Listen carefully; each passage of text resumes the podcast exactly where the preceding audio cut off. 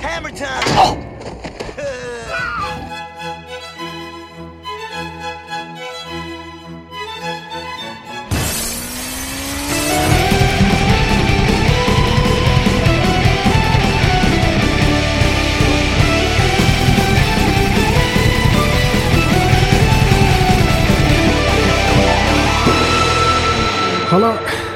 på sett og vis Per Ståle, og velkommen til sesong to av Tordentale, En dannelsesreise gjennom kunst, kultur og heavy metal.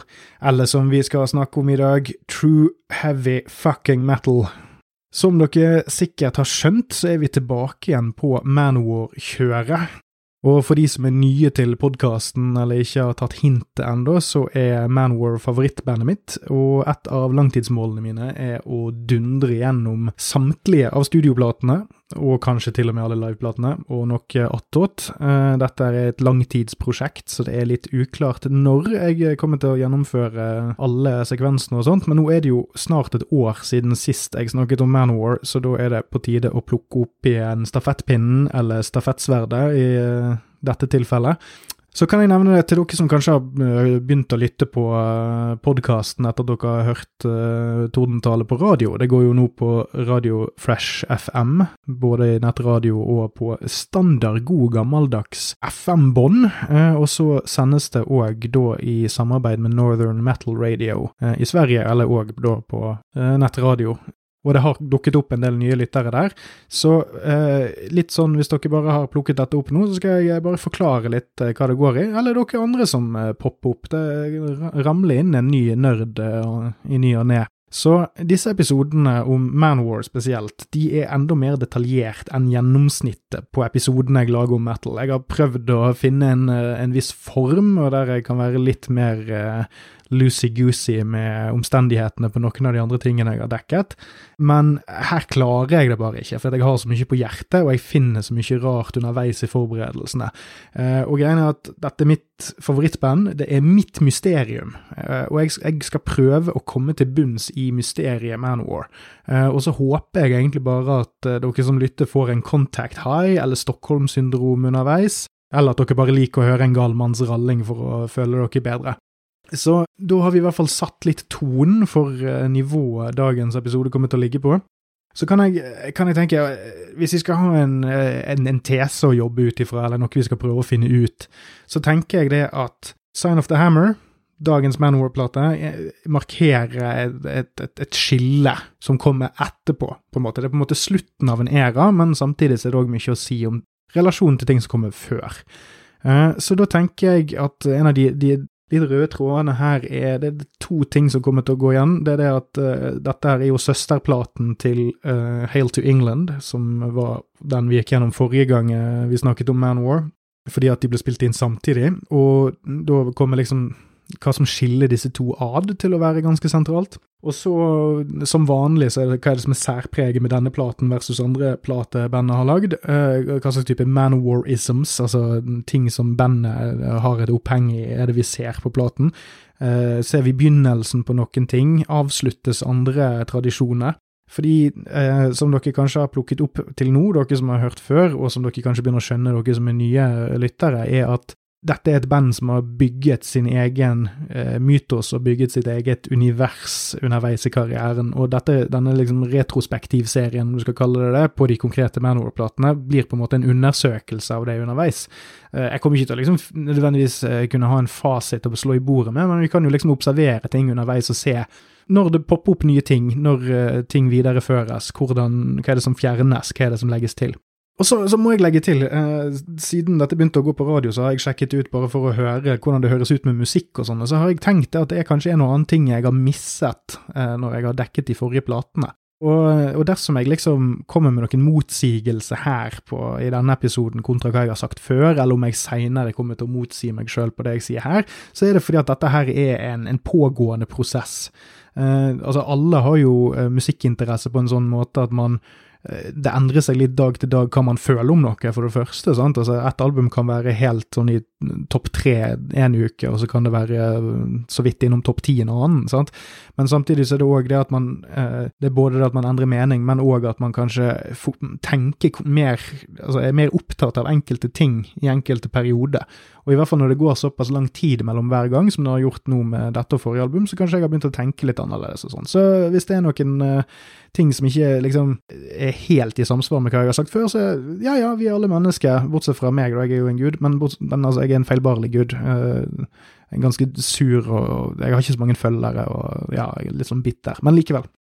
Ok, litt for, litt for å gå gjennom, uh, gå gjennom en, for, en slags sånn personlig forhistorie sånn kjapt, så er dette Eh, kanskje det første albumet utenfor eh, de nyere tingene og Atlantic-platene, altså de som kom ut fra 87 til 92. Eh, bortsett fra de og ja, Warriors of the World og, uh, og Louder Than Hell, så tror jeg at dette var den jeg kjøpte omtrent samtidig, da. Så la oss si at det var de tre første Atlantic-platene, og så kjøpte jeg eh, sikkert uh, Louder Than Hell og så Warriors of the World, tror jeg.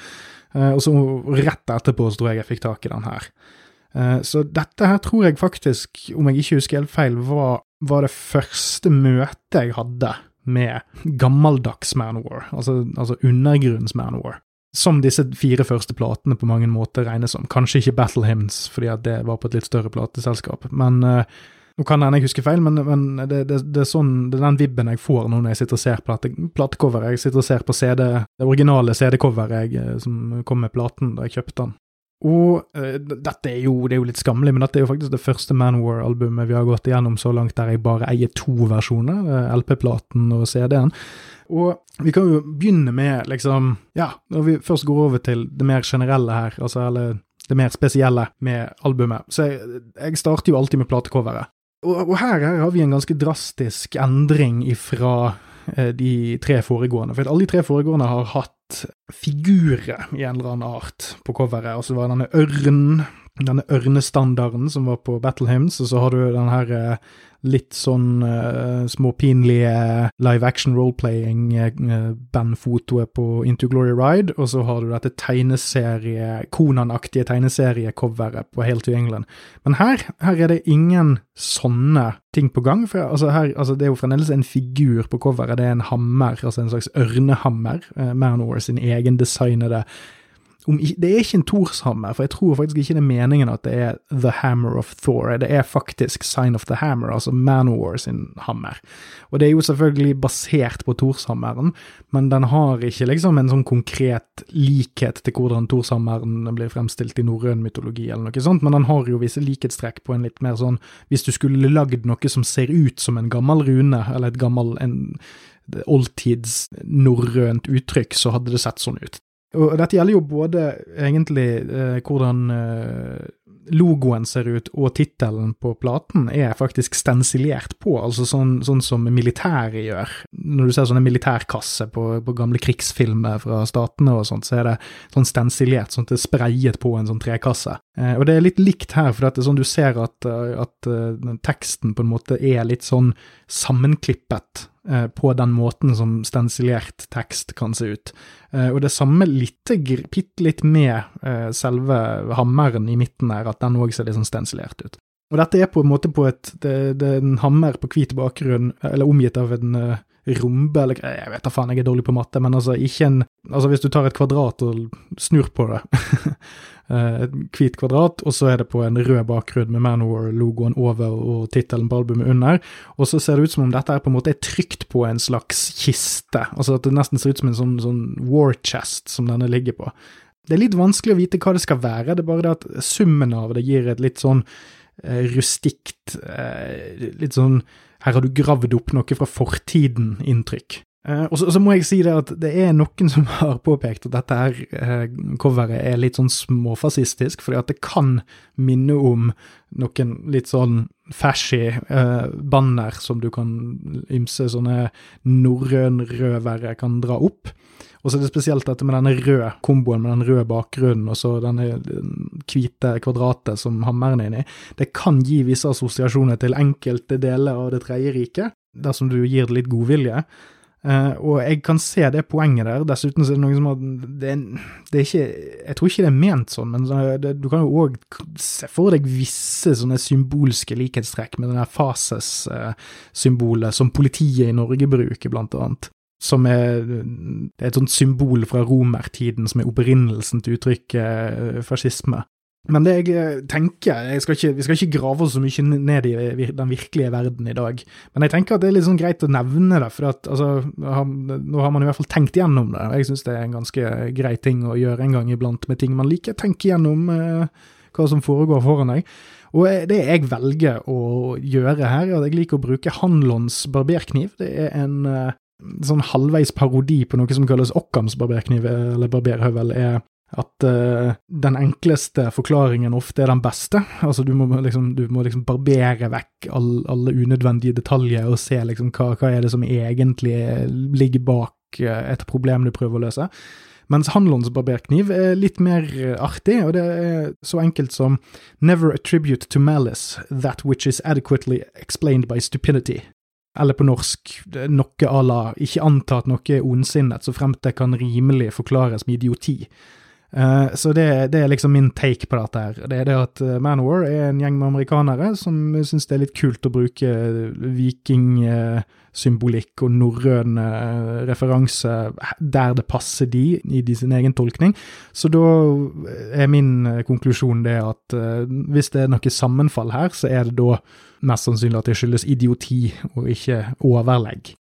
For å gå litt videre, da, så er det en annen ting. Det var det jeg tenkte på litt uh, her i sted, når jeg sa at uh, jeg kanskje har misset noen ting. Fordi det er jo en tradisjon nå på Manor-coverene at det er en beskjed bak på coveret. Så vidt jeg husker, så tror jeg jeg leste opp det som sto på coveret til Into Glory Ride, men jeg tror kanskje jeg har misset det som sto på Hail to England. Bak på den platen så står det en kort beskjed til fans og de som måtte ville lytte. For det første så er det jo dedikert til til Doc. This one's for Doc. Eleven years of loyal friendship says it all. Det er da han som lager utstyret til Manowar. Ja, og så er det da en veldig kort beskjed. We are Manowar, we are invincible, death to false metal, hail to England. Så den er jo ganske fin og nice. Den var jo litt lengre, den som var på Into Glory Ride, da. Mens bakpå coveret til Sign of the Hammer så er det en litt lengre beskjed, og da skal jeg prøve å få manet opp Eh, et beist fra som kan kanskje hjelpe meg litt med, med teksten her.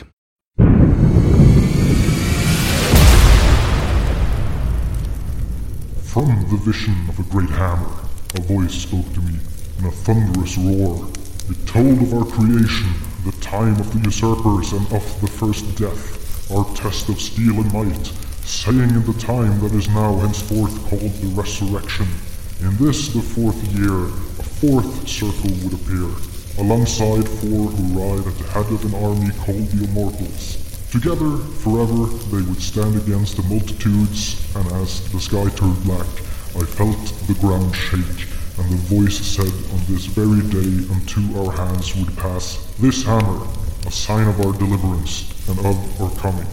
For all disbelievers to see and to know that for us it is the end of the beginning and for them it is the beginning of the end. Death to false metal by the sign of the hammer. May the gods accept this offering in the name of Jay Bergen and let his laughter be heard last.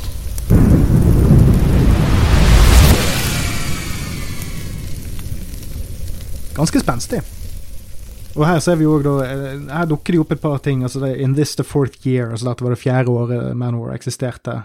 A fourth circle would appear. Uh, og det er jo da, siden at det er fjerde platen. Uh, det er referanse som kommer til å dukke opp seinere, med at Manowar driver og refererer til platene sine som Magic Circles. Som er litt pussig, men uh, for all del. Det er samme besetning som sist.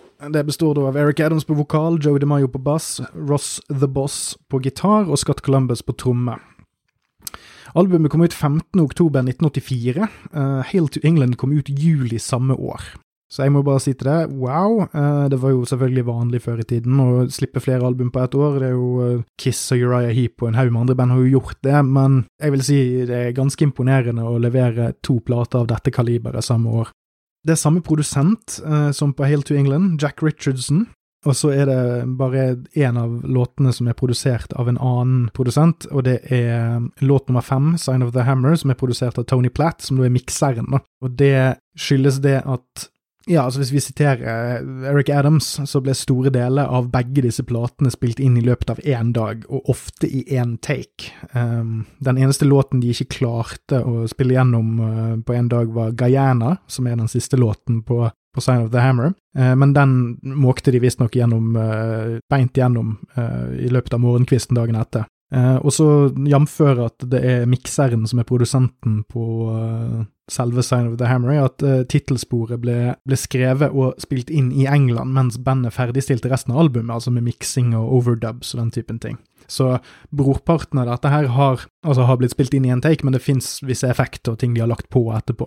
Så det er basically gjort på én dag, men med litt staffasje etterpå. Eh, og grunnen til at de lagde selve tittellåten Sign of the Hammer, var fordi at plateselskapet ville ha ett spor til på platen. Og det var jo eh, bra, fordi at uh, tittelsporet er jo en av de bedre låtene på platen, i, uh, i tillegg til å være bare et, et veldig tøft navn. Um, og dette plateselskapet det er da Ten slash Virgin Records, Richard Branstons Virgin. Uh, dette er da det tredje plateselskapet på fire plater. Uh, og så har jeg tenkt litt på Altså, jeg lurer på om de fikk trøbbel for å spille inn denne her samtidig som Hail to England, siden den platen var på Music for Nations, som var samme plateselskap som hadde Into Glory Ride. Og som jeg nevnte i Hail to England-episoden, budsjettet var på 15 000 dollar for begge platene, og det tilsvarer ca. 40 000 dollar i dag, eller 340 000 kroner. Som jo er en del, men husk, altså, det er mange som skal ha betalt for tid og innsats. Uh, og ifølge Ross the Boss så var budsjettet for disse to platene tilsvarte hele budsjettet til Into Glory Ride. Så de lagde to plater for prisen av én. Så det jeg lurer på, da, er det altså ble de droppet av Virgin, eller Virgin droppet de senere i 1984. Og de ble ikke signert uh, av et nytt plateselskap før i 1986 etter en turné uh, med Motorhead, så da Jeg har aldri lest noe info om dette her, men man, man sitter jo og lurer på skyldes det at de liksom stakk av eller brukte penger fra det ene til det andre. og så mistet de begge plateselskapene fordi at Altså, hvordan mikset de og trikset de? Altså, hva Har det vært noe snusk her, liksom? Eh, jeg må jo si at eh, jeg respekterer The Hustle dersom det er tilfellet. Jo, men da er vi klar for å snakke litt om låtene, er ikke vi det? Og da får vi si det at med mindre jeg nevner noe annet, så er All Songs Written by Joey DeMaio. Eh, og så har jeg nevnt tidligere at jeg er jo heller usikker på hvorvidt det stemmer, eh, ettersom jeg eh, syns det er en merkbar sound på f.eks. alle platene som Ross the Boss er med på, som man ikke finner igjen på andre plater etter at han sluttet i bandet eksempel. Eh, og man kan høre veldig tydelige grep fra Scott Columbus som trommer, man kan høre enormt mye arbeid som Eric Adams har lagt ned eh, på vokalsiden. Så det er jo igjen dette evige spørsmålet, kan du si at det bare er enmannsverk, når det helt åpenbart har blitt lagt til så mye i studio? Eh, eller eh, sikkert òg da, altså for å kunne spille gjennom en plate på én dag, og faktisk få det til å høres ut såpass bra som denne platen og forrige, så tilsvarer det en helt sinnssyk mengde arbeid som er lagt ned både i studioet, men òg i forkant. Men da starter vi med All Men Play On Ten. Uh, spor én på side én. Og det er et veldig groovy bassriff som driver denne låten her. Det er et gitarsoli i starten, og den er seig og dronende på en fantastisk kul måte. Det er kanskje den mest bluesy sangen Manowar noensinne har lagd. Det er en sang som handler om drivet til bandet, eh, og som så mange andre låter, så er det en sang om de sjøl og det livet de på en måte lever. Men eh, der blues har en tendens til å være nedstemt og nærmest depressiv, altså det er en slags sånn herre en slags sånn her down to earth, street level, ting jævlig, men jeg spiller noe gitar og hygger meg med det, syn på livet. Så istedenfor den nedstemtheten som bluesen har, så handler låten om hvordan de ikke under noen omstendigheter skal la seg kue av motgangen de har møtt i karrieren. Og det har de jo eh, møtt mye eh, av, bare på disse få årene de har eksistert. Vi kan jo ta en kikk på teksten, det er jo noen litt interessante grep der. sant? Altså, bare første verset her, sant. I made a rock and roll sin when I tried giving in to make money, had to turn down low. They said, Why be proud? Don't play so loud, be like us and get a sound that's real thin. Wear a polyester suit, act happy, look cute, get a haircut and buy small gear. That's when I turned to them and said hold it right there, som da er tidenes nødrim, om du spør meg. Dette første verset her er ganske interessant, for når man har eh, plukket litt opp fra f.eks. podkasten til Joey DeMaio, der man hadde med seg eh, Eric Adams på en episode, så er det det at og det finnes noen artige bilder av dette på internett, så er det det at uh, spesielt Joey og Eric var i, var i, en del sånne lokale band i sin tid, der de mest sannsynlig gikk i polyester suits, eller fikk beskjed om det. Og de hadde visstnok en del trøbbel med at de spilte for høyt på en del sånne lokale gigs rundt omkring i Auburn, New York-området. Så, så, disse referansene til liksom eh, ikke ha langt hår, ikke liksom drass med deg så masse utstyr, og prøve å passe inn i det som er kult, og ikke prøve å ikke være deg sjøl, eh, det er nok faktisk ganske selvbiografisk. Utrolig nok. Manwar er ikke så ekstremt selvbiografiske i direkte forstand ellers. Og så er det jo dette som er ganske morsomt med oppfordringen til å kjøpe small gear spesielt siden sangen heter All Men Play On Ten, da tenker man jo det at buy small gear, det betyr du har en liten tissefant hvis du har small gear. Og, og denne eh, låten her har jo en viss sånn spinal tappiness med seg, altså alle vet jo om dette er Turn Up to Eleven-referansen i Spinal Tap, som kom ut et par år før denne, eller samme år, nå husker jeg ikke om den kom ut i 82 eller 84. Men det var jo allerede en greie med å spille høyt i rock og i metall, sant. Men her har da Manowar gått hen og sagt nei, all men play on ten, punktum. Du er ikke mannfolk hvis du ikke spiller på ti. Vi er menn, vi heter Manowar, og vi gjør som vi vil. Uh, og I det store og hele så er dette en sang som er ganske utypisk rent sonisk, men det er en sang som jeg til stadighet lar meg overraske over hvor mye jeg liker. Det er ikke liksom en smellhard banger, og det er en ganske seig låt, og den er ikke akkurat tidenes mest åpenbare albumåpner, men jeg liker den ganske godt. Det er en, det en schwung der som er, er, veldig fin, og det er en litt sånn her eh, jeg vil ikke si Jerry Lee Lewis, det tror jeg ikke det er, men altså det er en Vokalleveringen til Eric Adams er litt utypisk, men på en litt tøff måte. Altså det er ting Det er en, en retro-låt. Det er en låt som høres den, den, på en måte trekker røde tråder tilbake igjen til på en måte ja, bluesen og, og, og, og rockens tidlige år, og det du hører det litt på vokalen i tillegg.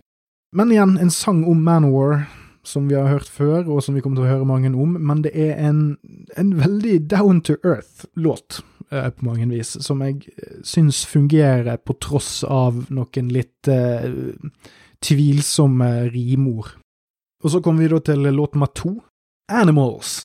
Som da er Da vender vi tilbake til dere som har uh, hørt på meg litt. Nå er det pulelåttid, og som uh, jeg har irritert meg over før, så tror folk at når jeg sier pulelåt, så betyr det låter man puler til. Uh, når jeg sier pulelåt, så mener jeg låter som handler om puling, og så kan man velge sjøl hvilken setting man setter de på i.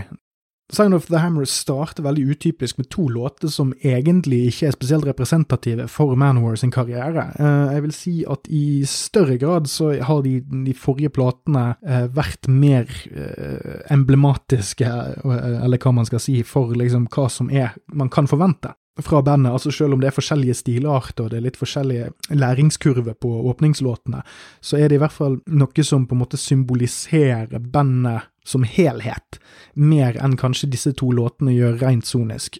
Selv om jeg sa at forrige låt var på en måte tematisk uh, Manwar-aktig, så er det fremdeles Den var veldig down to earth, som sagt. Mens Animals har et drivende riff som den starter med, og vi fyker fort av gårde. Det er en catchy, rå og stilig uh, låt. Uh, men teksten er ganske utypisk, for her beveger vi oss, her beveger vi oss inn i Mutley Crew, Wasp, Kiss-territoriet. Den heter Animals, og som eh, dere som hørte uh, Wasp-retrospektiven min, så uh, dette mye det samme. Det handler om dyrisk puling, kort og godt. Uh, standard puddelrock-tekst, men med Manwar flair. Dette er en av de mer glemte, glemte låtene fra albumet. Jeg vet faktisk ikke om de har spilt den live spesielt mye. Uh, I hvert fall ikke siden denne turneen. Jeg har ikke sjekket det ut, men jeg vet i hvert fall at den omtrent ikke har vært Jeg tror ikke den har vært i settlisten spesielt mye i ettertid, og den eneste gangen jeg vet at de spilte den, var når de spilte gjennom alle seks albumene på Magic Circle Fest i 2008. Og det var Magic Circle Fest 2, om jeg ikke husker helt feil. Det må sant sies at det er, mange, det er flere liksom fan-favorite-låter uh, på dette albumet som ikke spilles ellers, men dette, er ikke, dette her er en låt som bare the hardcore-fans liksom virkelig har lyst til å høre live, og det er fordi at du bare ikke hører den så mye. Jeg syns den er gøy. Uh, det er en gøy låt, men den er ikke Dette er en veldig utypisk Manwar-låt. Det tilhører liksom det er en ganske kort liste, og jeg skal ikke liste det opp nå, men det er en, det er en liten gruppe med Manowar-låter som ikke under noen omstendigheter liksom maner frem et bilde av Manowar i hodet ditt mens du hører på dem, og dette er en av de. Men når det er sagt, så er jo denne låten lagd i samme setting som resten av albumet, og har derfor den samme ja, øh, samme sonics. Altså, samme, altså det som er fett med gitar- og basslyden, er fremdeles fett her. Det som er fett med tromme, trommingen, er fremdeles fett. Det som er fett med syngingen til Eric Adams, er fortsatt fett. Men den er Det er ikke en høydere. Men jeg vil ikke si at den heller trekker ned. Den er ikke, den er ikke så out there uh, at den ikke kan være på albumet, hvis du skjønner. Og så er det òg en veldig kul trommevirveldreven crescendo mot slutten og siste refreng, som òg er veldig tøff, som jeg syns er fin. Rent tekstmessig så er jo kanskje favoritten min Your skin is screaming. Glad we met? spørsmålstegn. Jeg, jeg, vet ikke, jeg, det kan hende at jeg bare har møtt feil dame, men hvis huden din skriker, så er det jo kanskje et tegn på at man burde gå til legen. Men så, mine damer og herrer, så går vi videre til låt nummer tre, og det er da Thor, The Powerhead. Og nå snakker vi. På denne låten her tar Manowar for første gang steget inn i fullstendig tegneserieterritoriet. Altså, på Into Glory Ride og Hail to England, og, og Battle Hymns for en saks skyld, så finnes det selvfølgelig karikerthet, overdrevenhet, altså, altså ting som liksom virkelig maner frem en annerledeshet og en eh, Altså at vi beveger oss i et, et fiktivt univers, altså eh, med ulike vikingreferanser og eh, ymse fantasy-elementer. Men denne låten her er, når jeg sier tegneserie, så mener jeg en sånn comic book. altså, her er vi i en fullstendig fiksjonalisert fremstilling av noe som har et visst religiøst tema, altså Thor og Ragnarok. Det er jo en fantastisk intro på denne låten. altså eh, De første, første, ordene er Black clouds on the horizon, great thunder and burning rain, his chariot pounding. I heard the heavens scream his name. Det er veldig sånn manende. Og så er det jo òg denne kule vrien som uh, bandet ofte har med at liksom ting blir fortalt kanskje i tredjeperson, eller at det er, no, det er, liksom en deltaker som observerer dette her, uh, eller synger på vegne av andre. Uh, og det er et uh, Fytti grisen for en låt. Jeg elsker denne låten ekstremt høyt. Um, og det, det, er først og fremst en låt om hvor jævlig fuckings rå Thor er. Um, det er liksom ariekoring i bakgrunnen underveis i, i uh, versene. Altså rett og slett, og nå beveger, nå beveger, vi oss inn i det jeg har referert til en viss grad før, og så kommer til å komme inn mye mer seinere, uh, men det er denne her uh, måten der, man, der Manwar inkorporerer litt sånn kristne sangtradisjoner for å bygge opp noe helt annet enn kristendom. For hvis man hører på koringen på dette, denne låten, så er det liksom den oppbygningen av Thor som noe utenomjordisk eller overjordisk, den koringen gir assosiasjoner til kirkesang. Uh, og det syns jeg er, veldig, det er et så kult og frekt grep. Uh, og de har brukt det i noen grad på de forrige albumene òg, men nå, nå, begynner det å komme litt mer frem i forgrunnen. Og så får jeg jo nevne det, jeg har jo glemt innledningsvis, men dette albumet finnes altså da på Spotify, og da regner jeg med en del andre strømmetjenester. Jeg vet at det er, som, det er mange som ikke liker Spotify, og da er det greit at det finnes andre steder. Men dette er et av de albumene som bandet ikke eier sjøl, og dermed så er det mulig å finne det på strømmetjenester. Du må ikke kjøpe det digitalt for å høre på. Og så er det jo de som kan finne det på eh, et sted som rimer på snusnub, eh, for eksempel. Så det er jo bare å lytte med, folkens. Det er sakralt, det er mektig, det er et mektig riff, uh, og her solidifiserer de på en måte bandet sin assosiasjon med norrøn mytologi. Det har jo vært referanse, nå er det tre plater på rad der vi har hatt en, en viss vikingestetikk, og jeg vil jo da si at det, det er dette albumet som både nailer og sementerer eh, grunnlaget for denne vikingnesten til bandet eh, for evig og alltid. Det mener jeg at det er dette albumet som står for, for her kommer det mer fram i forgrunnen gjennom flere låter. Og som jeg, som jeg, har referert til flere ganger, dette er ikke en sang som er korrekt rent Åsatru-messig. Eh, den er vel så mye inspirert av Konan, Marvel Comics, eh, som de moderne Thor-filmene er basert på.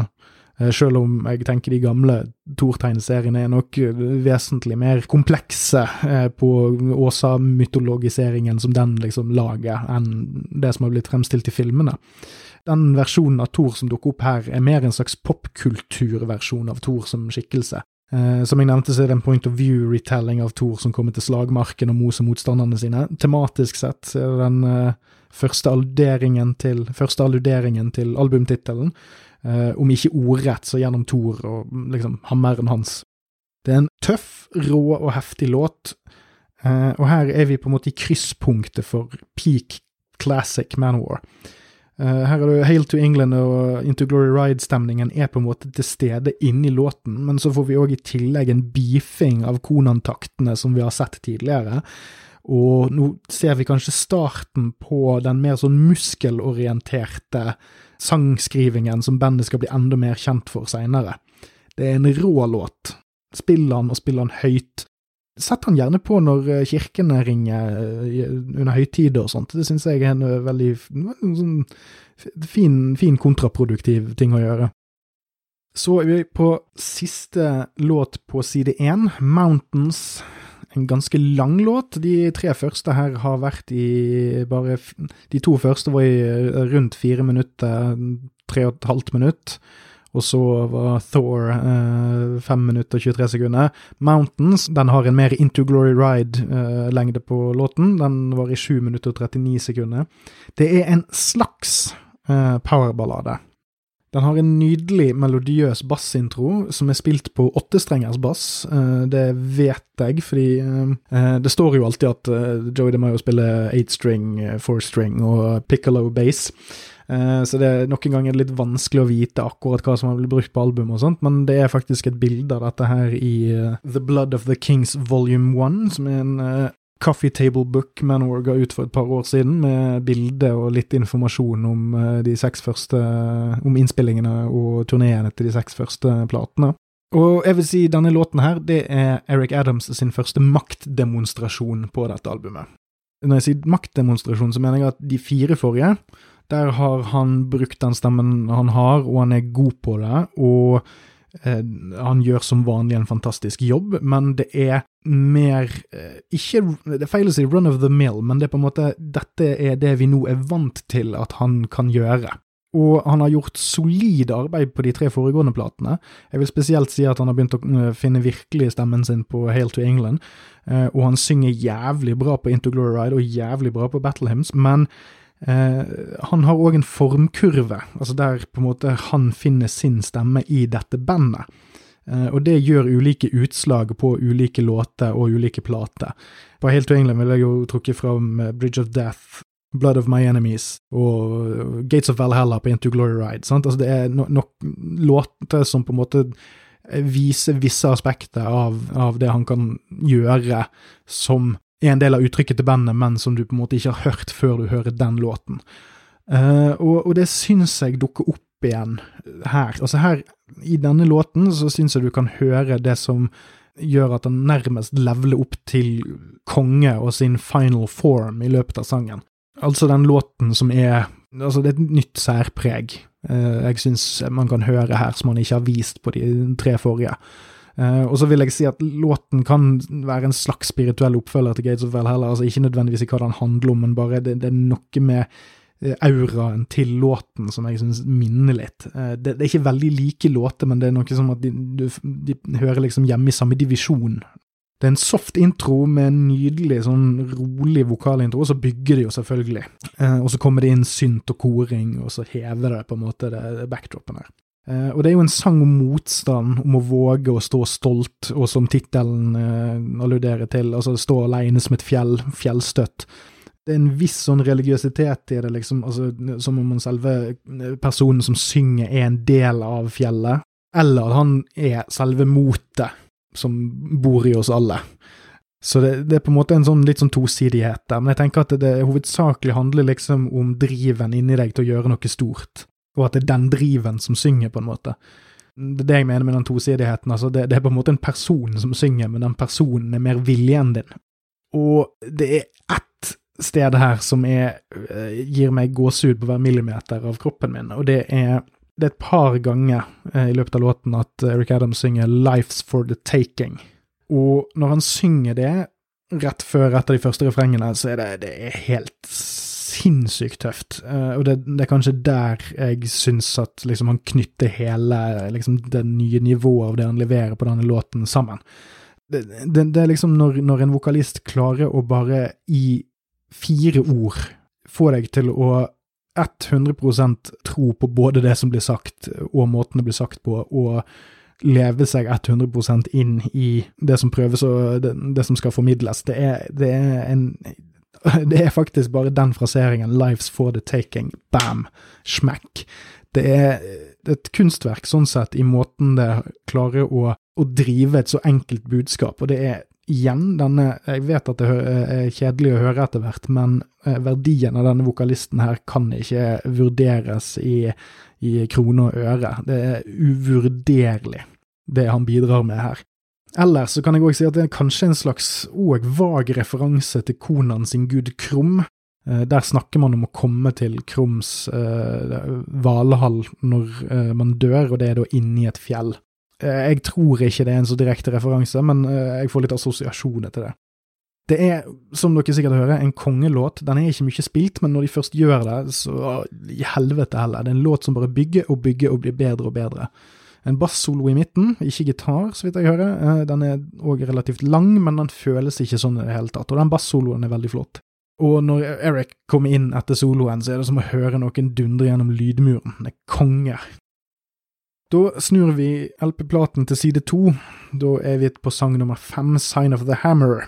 Dette er da den som ble spilt inn seinere i England under miksingen av albumet, men det kan du faen ikke høre. Det er jo selvfølgelig en sang om Manowar, bitches. Eh, det er jo òg eh, en låt som trekker inn visse referanser som eh, bandet er glad i å ha. Vi har jo tidligere, tror jeg, hørt en viss referanse til Black Wind. Det trekkes òg da fram her. Black is the wind, synger Eric Adams på et tidspunkt. Og så må vi ikke glemme det at Sign of the Hammer er òg tegnet til Manwar, altså de har en egen variant av på en måte djevelhornsalutten som alle metalheads bruker, og det er kort og godt det at du tar høyre hånd, og så holder du venstre håndledd, eller omvendt hvis du har lyst til det, og så holder du det over hodet ditt, og det er da The Sign of the Hammer, eh, som eh, på en måte er Manwar sin særegne på en måte hilsning som folk er glad i å bruke i tide og utide, på gate og på fest og på konsert. For en start på side to og en veldig glup idé, det å starte med, med en, en, signaturlåt på side to. Det har jeg eh, veldig, veldig sansen for. Starte med teksten liksom The spell has been broken, the curse has been lifted, black is the wind on the heels of the gifted, forsworn to vengeance, see the hate in our eyes, called by the gods and given a sign. Altså Her, her mytologiserer jo Manowar seg sjøl igjen. Altså De er kalt av gudene til å spille heavy metal, og de er gitt et tegn, og det er Sign of the Hammer. Onward Pounding Into Glory Ride, referanse til plate nummer to. Sign of the Hammer Be My Guide. Final Warning, All Stand Aside. Sign of the Hammer It's My Time. Og så, og så fortsetter de, sant? Altså, uh, referanse til We're Back From The Dead. Uh, those who denied us are delivered instead, sant? Into the hands of for sworn to ride. Altså, nå skal Manowar drepe de som har uh, prøvd å kvele de Uh, og, og, det er nettopp det, hele denne teksten her, det, det kan vel så gjerne bli sunget av en hærfører i uh, Ringenes herre, eller uh, kanskje ikke Ringenes herre, men ikonen i et eller annet sånn fiktivt vikingunivers som ikke er direkte vår verden. Og det er ikke en eneste referanse sånn til at dette her foregår i vår samtid, eller liksom at, at dette her er selve bandet som konkret synge om seg sjøl, men det er veldig åpenbart i selve teksten, i selve referansene de gir. En låt som handler om Manowar, men vel så gjerne kan handle om noe annet. Det handler om en hær som samler seg under et banner og en tro. Uh, og det, sånn sett så er det det, det at de spilte inn denne her dritkjapt og bare fordi at de måtte ha en ekstra låt. Det er jo det er noe av det sterkeste arbeidet jeg har sett når man har beviset for at det har blitt gjort så fort. Eh, fordi det er så Jeg, jeg tror kanskje den tidsbegrensningen har vært bra, for at bare, her, her kondenseres liksom hele jævla etosen ned i én låt. Boom. Den representerer platen som helhet, den representerer bandet som helhet. Den trekker inn alle disse ulike dimensjonene av hva bandet synger om, i én pakke. Tribute til fansen, tribute til seg sjøl, Og jævlig godt håndverk, fantastisk solo fra Ross the Boss. Han har gjort flott arbeid før på platen, men her er det en standout. Denne sangen her er et drivende anthem, for ikke å snakke om galopptrommene til Scott Columbus.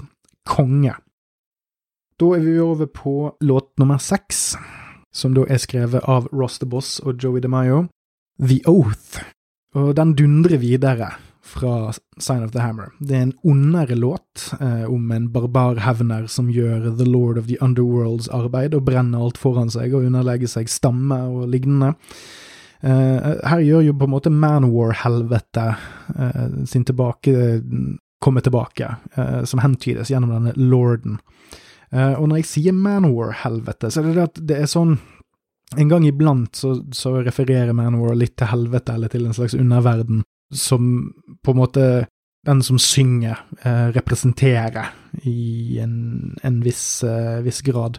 Og, og denne, denne, sangen her handler jo liksom om å, å, på en måte At her representerer på en måte sangeren en, en slags sånn ond vilje. Og, og det, det, er på, altså Når jeg snakker om dette Manowar-helvete, så er det det at Manowar har, uh, har jo sunget sataniske ting før, og så har de jo hatt uh, en og annen religiøs uh, kristen sang, altså Revelation og litt sånn. Men etter hvert så vil det òg nå, og det mener jeg denne låten representerer ganske greit, er det at det, de har òg en egen sånn tolkning av helvete som er litt mer, ikke tegneserieaktig, men altså fantasyorientert. At det fins et Eh, på samme måte som at Manowar på en måte har sitt Kingdom of Steel, som på en måte eh, representerer de sitt hjemland i musikken, og som eh, er det som forsvares fra false believers og den slags type ting, så finnes det òg i dette tekstuniverset et slags helvete, som òg da har en sånn rar jeg tror aldri de på en måte har tenkt dette ut, eller liksom knyttet de røde trådene mellom disse to konseptene, men dette helvete ser ut til å òg da med sine demoner eller mørke dark lords og til en viss grad representere liksom hevnviljen, da, altså kanskje òg da det som dukker opp i Hatred og en del andre sanger. The Demon's Whip som kommer seinere. Uh, og en del uh, demonreferanse på f.eks. Uh, Warriors of the World, uten at vi skal gå liksom for, forgripe begivenhetenes gang her.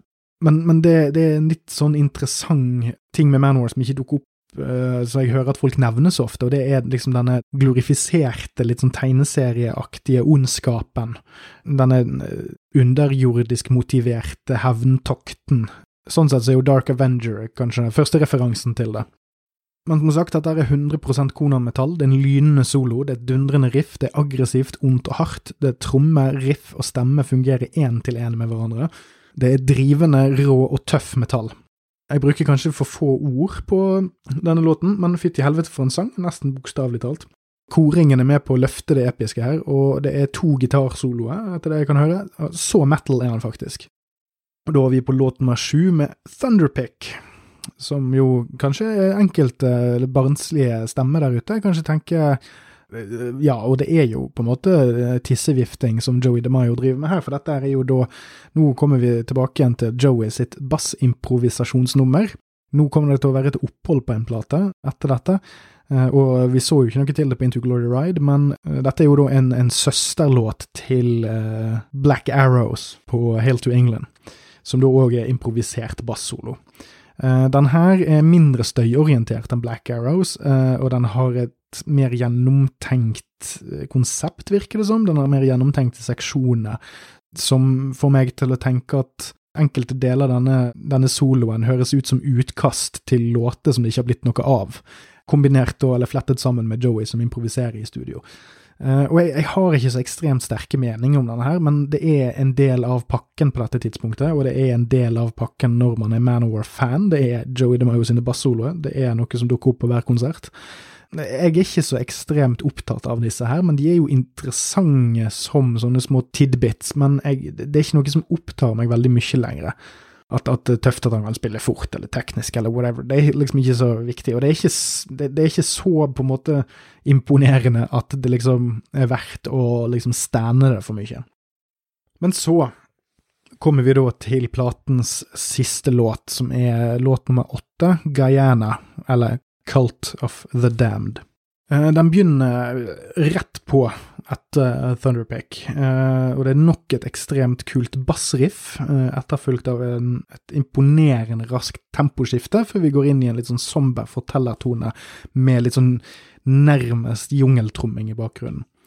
Og de som kan sin historie, så er dette her fra perspektivet til en som er med i kulten til Jim Jones i Jonestown.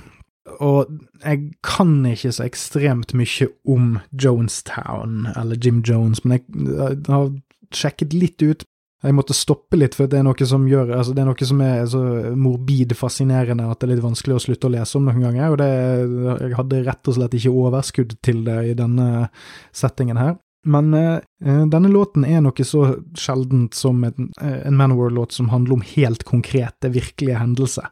Eh, det har jo vært noen referanser til Vietnam og litt sånt før, eh, men det er noe som bandet egentlig beveger seg litt vekk ifra med tiden, at eh, den virkelige verden er liksom ikke det som bandet er opptatt av, at det er mer liksom metaforene om det å leve som de fokuserer på. Men altså, uh, Jim Jones var en predikant og kultleder, og han hadde noen sånne rare sånne kommunistiske vyer. Uh, og han, han, hadde en kult som liksom var God's Children, eller Children of the Light, eller et eller annet sånt piss som det der. Og de flyttet da til Guyana i Sør-Amerika. Og eh, Jonestown-massakren er eh, et kollektivt selvmord slash massemord som skjedde. Det var over 900 døde, derav 300 barn. Og dette her var da delvis frivillig selvmord som denne kulten inngikk i når på en måte Jim Jones hadde blitt ko-ko og paranoid. Ehm, de hadde flere, flere, problemer med den amerikanske staten, og de hadde drept noen delegater som hadde kommet for å sjekke hvordan det gikk med dem. Jeg tror det var en senator som ble drept, en amerikansk senator, jeg husker ikke helt i farten. Men uansett så var det det at nå var liksom ting det tilspisset i denne her lille byen de hadde bygd i, i Guyana, og der folk da eh, drakk eh, ikke Kool-Aid, det er liksom et begrep som har kommet inn i moderne tid som heter 'drinking the Kool-Aid', eh, som er et begrep, eh, og det er en referanse til liksom når du, når du, på en måte sluker noe rått, altså at du er naiv og liksom har, har kjøpt det en eller annen eh, kvakksalver har solgt deg. Eh, men det var, altså, det var altså ikke Kool-Aid, det er en type saft som uh, man bruker i USA. Uh, men det var en, altså, var en, var en sånn off-brand-versjon, en sånn First Price-variant. Uh, men det er ikke like Det passer ikke like fint inn i avisoverskrifter, så da var det Kool-Aid som ble sittende, sittende, igjen med svarte p der. og som sagt, det var en selvmords-slash-drapshendelse. altså Det var mange som ble tvunget til å ta cyanid, enten da gjennom at det var blandet ut i denne saften, eller fikk det injisert i årene sine. Og, og, låten kan ikke sies å, å, fange virkelighetens detaljer her. Altså sånn, det er ikke eh, Som sagt, altså det lille jeg har sett eh, når jeg eh, browset Wikipedia og noen andre kilder, så er det sånn at det, dette her har blitt veldig hauset opp i media i sin samtid. Det var vel i 1979 eller noe, altså det var noen ja, fire-fem år før denne platen kom ut. Fire-fem-seks år. Så, så det var ikke liksom alle detaljene som kanskje var allment kjent på den måten, så dette er mer en slags om det er noe, så er det mer en slags eh, fiktiv fremstilling av hvordan ja, man kan, man kan tenke seg at det var, da. Fordi at som sagt så er det sånn at dette har blitt fremstilt som at det var et kollektivt selvmord. Eh, at alle liksom helt villig drakk the Kool-Aid eh, for å på en måte eh, komme til himmelriket sammen med Jim Jones, men det var mange som ble tvunget av, av væpnede vakter. og og det, var, det finnes opptak av dette der du på en måte kan høre at handlingene foregår i bakgrunnen mens Jim Jones driver og, og ranter om uh, filosofien sin. Så som sagt, dette er liksom det er grabbed uh, from the headlines. Det er ikke sånn at du kan bruke dette her nødvendigvis til å lære deg detaljene, men det, det er likevel en, en godt kunstnerisk fremstilt fortelling, på en måte. Det er for eksempel en vakker bassmelodi som leder inn i første vers, og så har du denne stammetrommingen som bygger opp kulten sin religiøse galskap. Og så er det jo nok en maktdemonstrasjon av Eric Adams her. Han synger nærmest med englestemme til tider. Det er mange myke vokalpartier der han på en måte bærer låten helt alene, eh, nesten uten backup. Og, og det, det, det, er noen sånne vekslinger da, mellom, mellom dette litt sånn angeliske, eh, sakrale, og så når dette her stammegreiene kommer inn, så blir det mer aggressivt. Det blir mer sånn, sånn drivende, med et drivende riff som òg er litt sånn suggerende, sant? så du kan se for deg en sånn der uh, På grunn av den galskapen man tenker at befinner seg i en sånn kult, så har du på en måte denne, denne kollektive religiøse Nå er vi veldig uh, Vi overgir oss til Guds vilje-typen ting, men så blir det veldig en sterk kontrast til da denne litt sånn aggressive partiene, der, der denne, den, denne liksom stammeaktige ondskapen i det å ta livet av seg sjøl og, og, liksom glorifisere det. Et av versene er liksom In the cult of the damned, We all worked the land, altså de var noen kollektivistiske greier. Too afraid to look up, we all feared his hand, altså Jim Jones. Hurry my children, there isn't much time, but we'll meet again on the other side. Uh, be good to the children and old people first, hand them a drink, they're dying of thirst. Sant? Altså det, er, det er jo grusomme greier, men det på en måte Det går inn i en sånn, sånn rytme, hele låten. Ja, og det er et fantastisk riff i bridgen, blant annet, jeg har lyst til å trekke fram. Og så tenker jeg at uh, den, denne låten her har òg Altså, hele denne platen har uh, en viss sånn strukturell likhet med Hail to England, og det henger jo veldig på greip. Den, denne låten her har visse likhetstrekk med Bridge of Death, i den forstand at det er en lengre episk låt som skiller seg noe tematisk fra resten av platen, med et mørkere tema og en mer kompleks struktur i selve låten. Og ellers så skiller den seg jo da ut med å handle om en helt konkret ekte hendelse, og, og bryter liksom med resten av uh, albumet sitt fantasypreg. Og det synes jeg er vågalt, men uh, det løfter hele prosjektet. Altså hele platen løftes av dette bruddet. Uh, alle triksene fra resten av platen kommer tilbake igjen her. og selv om teksten ikke handler om vikingting, så føles det som om stemningen hører hjemme i, i samme liksom lydunivers hele platen har en viss sånn litt sånn primitiv sånn trommerytme.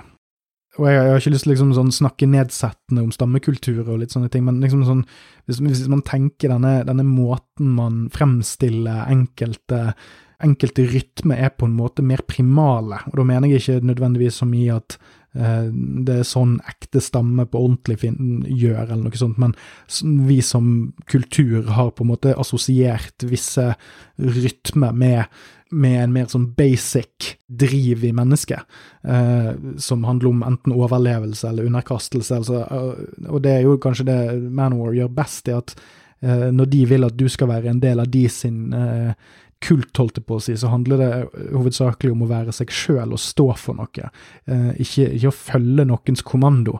Eh, og det kommer litt fram igjen i denne låten, her, at når, når denne sånn primitive trommerytmen kommer inn, så er det noe negativt.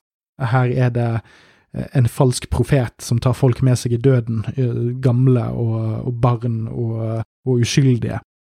Og sånn sett så skal Manor ha det at de bygger sin helt egen kult gjennom disse albumene, men det er alltid et budskap om å være seg sjøl, stå for det en tror på, og det er ikke underkastelse.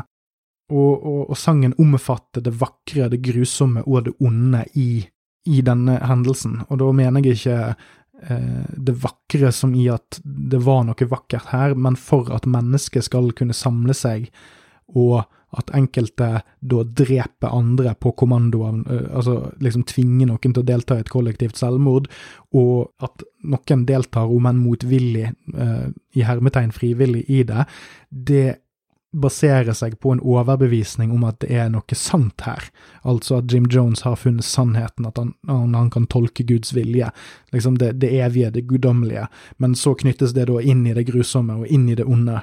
Eh, og sånn sett syns jeg at, at, låten i seg sjøl ikke bare liksom kritiserer denne konkrete hendelsen, men òg da ja, visse aspekter av, av religiøsitet, eh, som er tøft gjort all den tid Manowar stjeler veldig rått ifra ulike religiøse retninger for å på en måte bygge opp sin egen eh, ganske liksom i det store menneskelige bildet ikke spesielt viktige mytologi, eh, altså mytologien om Manowar. Eh, så, så, jeg syns det er tøft eh, gjort, og denne låten er en av de beste låtene de har lagd uavhengig av hva man måtte mene om bandet ellers. Jeg synes at denne kan man liksom ta ut og putte inn på en ja, en slags sånn her Best of Heavy Metal uh, 1982 1984-collection. og liksom stå helt på egne bein uten at man trenger å ha noe formening om Manwar som band. Da er vi ferdig med alle låtene. Da har vi en total spilletid på 40 minutter og 33 sekunder. Uten Thunderpick så varer platen i 37 minutter og 2 sekunder, og det er jo en helt akseptabel lengde. Så Thunderpick vil jeg si kanskje er litt unødvendig, men uh, igjen, det er fyllmasse som skal inn på albumet for å strekke det ut litt. Uh, og igjen, jeg har ikke noe imot Thunderpick, jeg har bare ikke så mye å si om han. Det er en del av pakken, som sagt. Men altså, ok, hva er det med denne platen her som skiller seg ut, og hvordan passer han på en måte inn i Manor sin utviklingskurve? Altså, det er en plate med sjel. På disse fire første platene så er det en, rad radikalt forskjellig sound på hver av dem, selv om Manowar ofte har blitt kritisert for å være veldig monotone og sånn, så mener jeg at og utover forbi dette her, så syns jeg med noen få unntak, så har de aldri lagd det samme albumet to ganger på rad rent sonisk.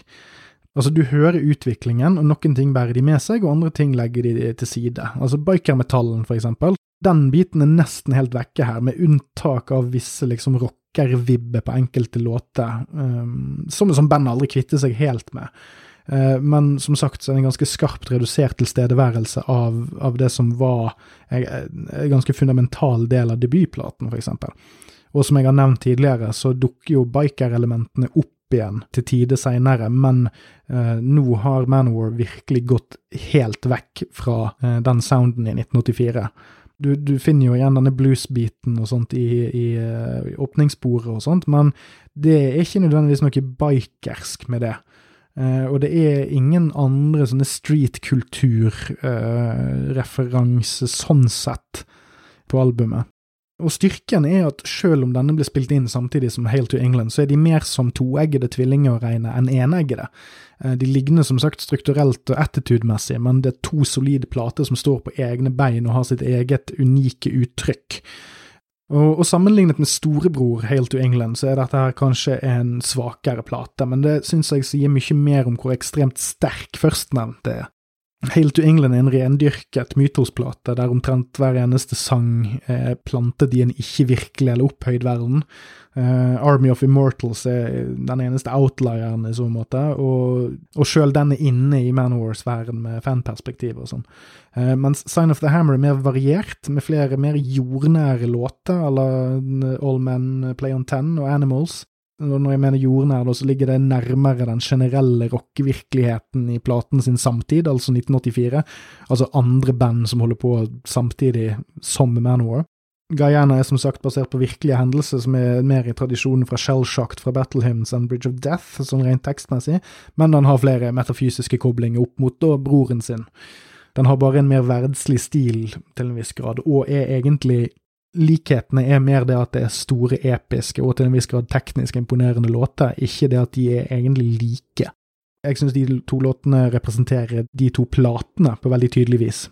Sign of the Hammer er rett og slett litt mer earthy og tilgjengelig. Som sagt, den er ikke fullt så sterk som Helt to England, men det er ikke på grunn av at materialet er subpar. Den mangler kanskje litt av edgen i produksjonen og låtene, men den er som sagt en dritbra plate sånn in conclusion, uh, så kan du høre en mikroskopisk smak av endringene bandet kom til å gjøre i sound om noen år frem i tid fra dette. Altså, enkelte av låtene har et smule mer kommersielt tilsnitt, og enkelte av låtene er mer arenaorientert, altså som for eksempel Thor eller, eller Animals. Og jeg vil si denne platen her den nailer Manowar sin særegne oppfinnelse og tolkning av vikingmytosen. Det er kanskje ikke så mange konkrete vikingsanger, men hele albumet oser viking, barbar osv.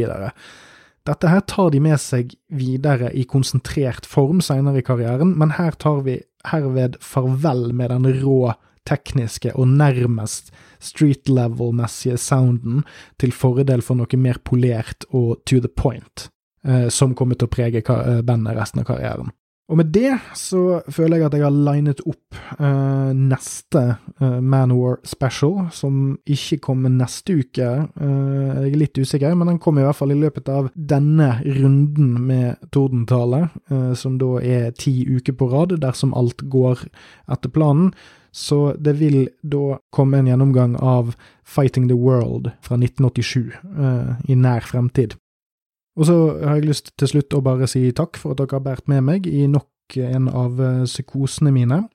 Og så håper jeg at dere ikke har blitt skremt fra å følge med i neste uke, når det kommer til å dukke opp noe helt annet, og noe mye mer høyaktig og høyverdig i øynene til i hvert fall de av oss som er mer snutige og snobbete enn andre.